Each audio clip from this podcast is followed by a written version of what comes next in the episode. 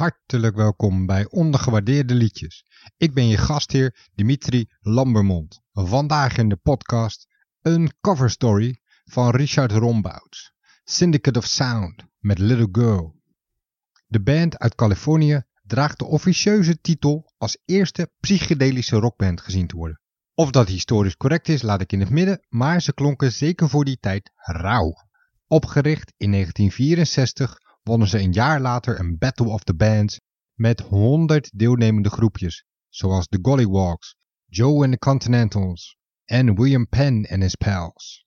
We kennen deze inmiddels als respectievelijk Creedence Clearwater Revival, Sly and the Family Stone en Santana. De beloning bestond uit een platencontract, maar hun eerste single sloeg niet aan. Bij een ander label mochten ze Little Girl opnemen, dat aanvankelijk dezelfde kant op leek te gaan als de voorganger. Maar dankzij lokale airplay werden er binnen een week ineens 5000 singles verkocht, waarna een grote label de plaat nationaal uitbracht met een achtste plek in de Billboard Hot 100. Het succes lag waarschijnlijk ook in de manier van zingen, een vorm van rap. Gezamenlijk met acts als Quicksilver Messenger Service, Jefferson Airplane, Paul Revere and the Raiders, Love and Spoonful, The Yardbirds, Tommy James and the Shondells, The Wailers, Neil Diamond, Wilson Pickett en James Brown traden ze in een soort package deal op door het gehele land. Ze hebben in het voorprogramma gestaan van de Rolling Stones en bijna van de Beatles. Our record producer was awakened around 3 in the morning with a gentleman on the phone and it was Brian Epstein asking how to get a hold of the band. He wanted to engage the band for the Beatles 66 tour, opening for all these different venues. They weren't offering that much money from what I understand. We didn't know about it until after it had been turned down.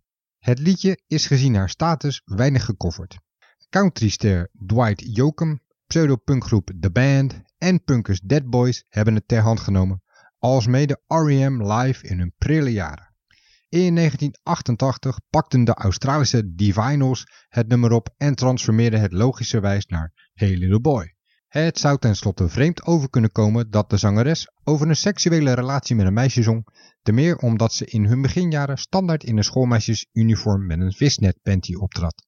De single zou de 23e plek behalen en was op maat voor hun grootste succes in 1990, I Touch Myself.